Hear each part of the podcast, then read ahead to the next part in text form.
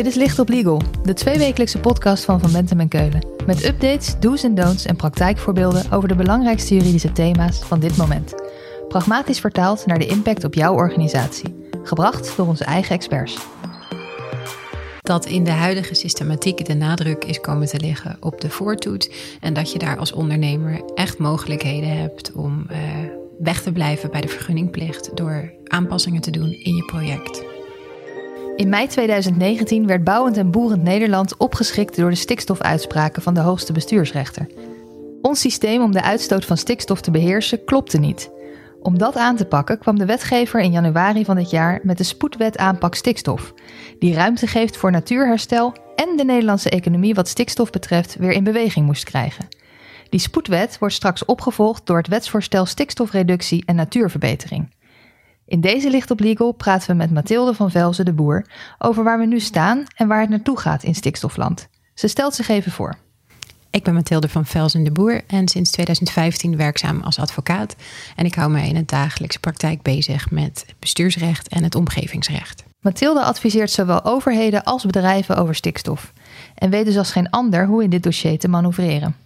Mathilde, laten we bij het begin beginnen. Waarom is stikstof eigenlijk een probleem? Daar kun je een heel technisch verhaal over ophangen. Maar het komt er eigenlijk kort en goed op neer dat stikstof leidt tot verzuring van de bodem. En dat heeft biodiversiteitsverlies uh, als gevolg. En daarmee heb je meer van hetzelfde. En dat heeft op termijn ook gevolgen voor uh, niet alleen de natuur, maar ook de Nederlandse economie. Omdat voedselproductie en gewassen daardoor in, in gedring komen. Maar we pakten dat probleem wel aan, neem ik aan. Er was een heel voortvarend systeem, het programma aanpak stikstof, ook wel het PAS genoemd, waarmee eh, beoogd werd om de natuur eh, weerbaarder en bestendiger te maken door maatregelen te nemen.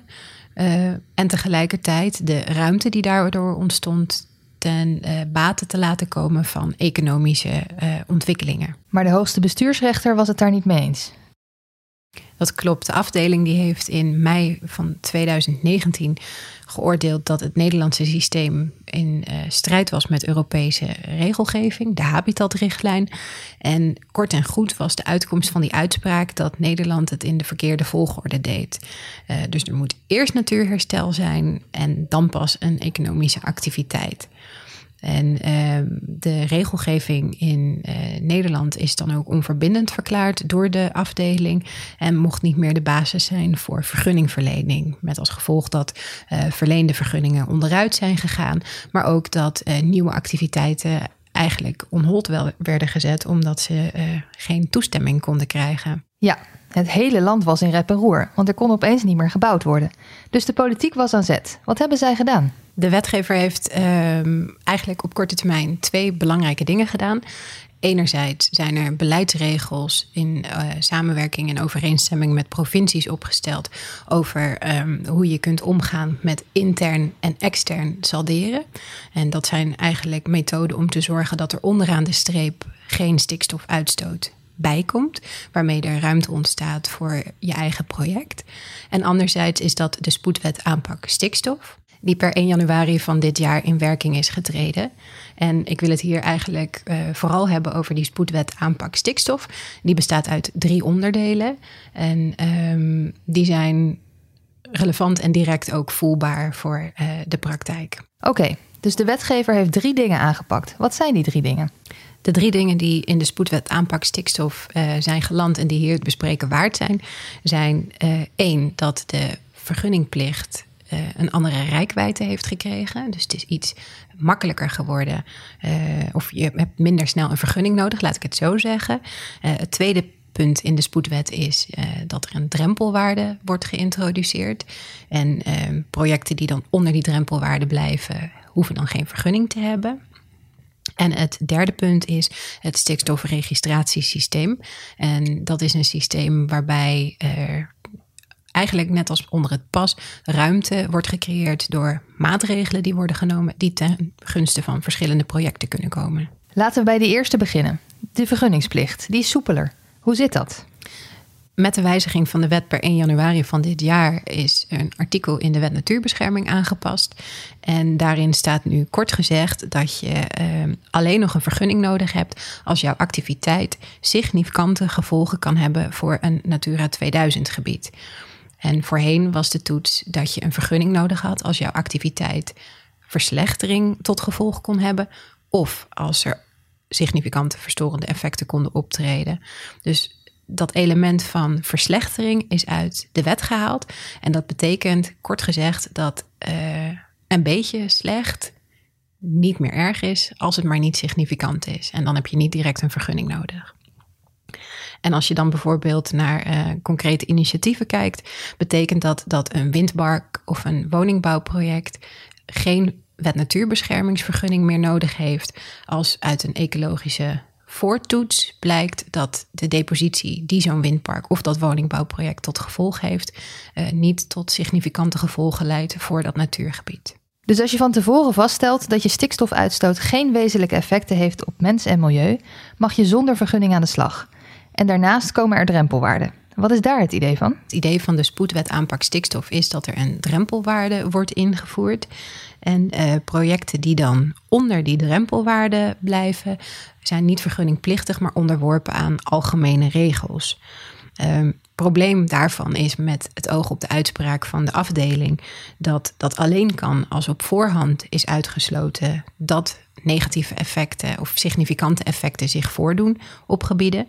En daarvoor moet een ecologische toets worden gemaakt. Die drempelwaarde is nog niet uh, actief in het leven daar is nu een wetsvoorstel voor. Dat is het wetsvoorstel stikstofreductie en natuurverbetering. En dat ligt nu voor bij de uh, afdeling advisering van de Raad van State. En dan is er dus ook nog een stikstofregistratiesysteem. Wat is dat? Uh, het idee achter het stikstofregistratiesysteem, dat overigens sinds maart van dit jaar uh, al in de lucht is, is om enerzijds toestemming te verlenen aan de bouwsector en anderzijds uh, de infrastructuur te bevorderen.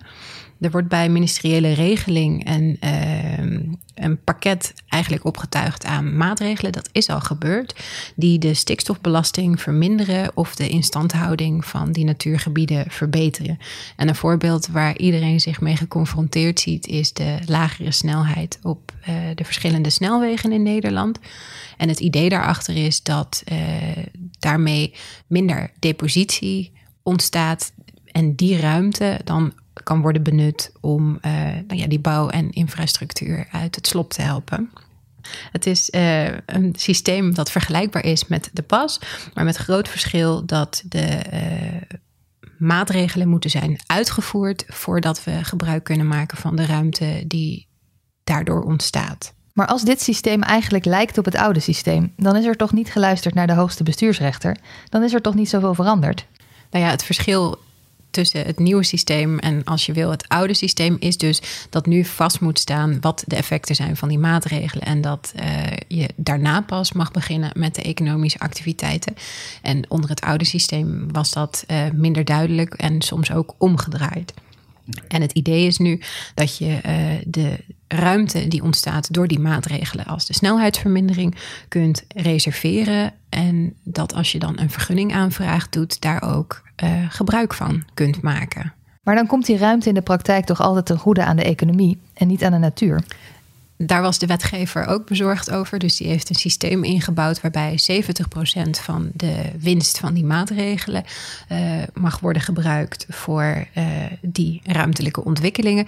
En 30% gaat naar natuurherstel. Helder. Ongeveer een derde van de ruimte gaat dus altijd naar natuurherstel. Veel veranderingen, veel regels. Wat moet ik hiervan als bedrijf of bedrijfsjurist weten? Met de huidige wetgevingssystematiek komt de nadruk meer te liggen op de voortoets. En het begint er dan eigenlijk al mee dat je als activiteit uh, of als onderneming moet weten welke depositie jouw activiteit of project uh, als gevolg heeft. Um, en dat is van belang voor het antwoord op de vraag of je nou überhaupt een vergunning nodig hebt of niet. Als er geen extra depositie uh, bij komt, dan heb je geen vergunning nodig. Ben je snel klaar, mag je van start.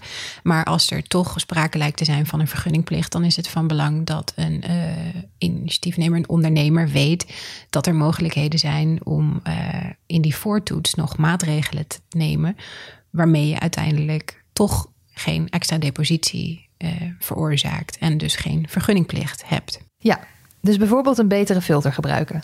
Maar de nadruk ligt op die voortoets. En wat nou als uit die voortoets blijkt dat je toch echt wel een vergunning moet hebben? Ja, dus een vergunning is niet het einde van de wereld, maar het is wel een uh, wat lastiger procedure. Het is uh, kostbaarder, het duurt ook langer. Je moet een ecologische toets laten verrichten. Um, dus het, het is gewoon een iets ingewikkelder traject dan wanneer je zonder vergunning mag starten, logischerwijs.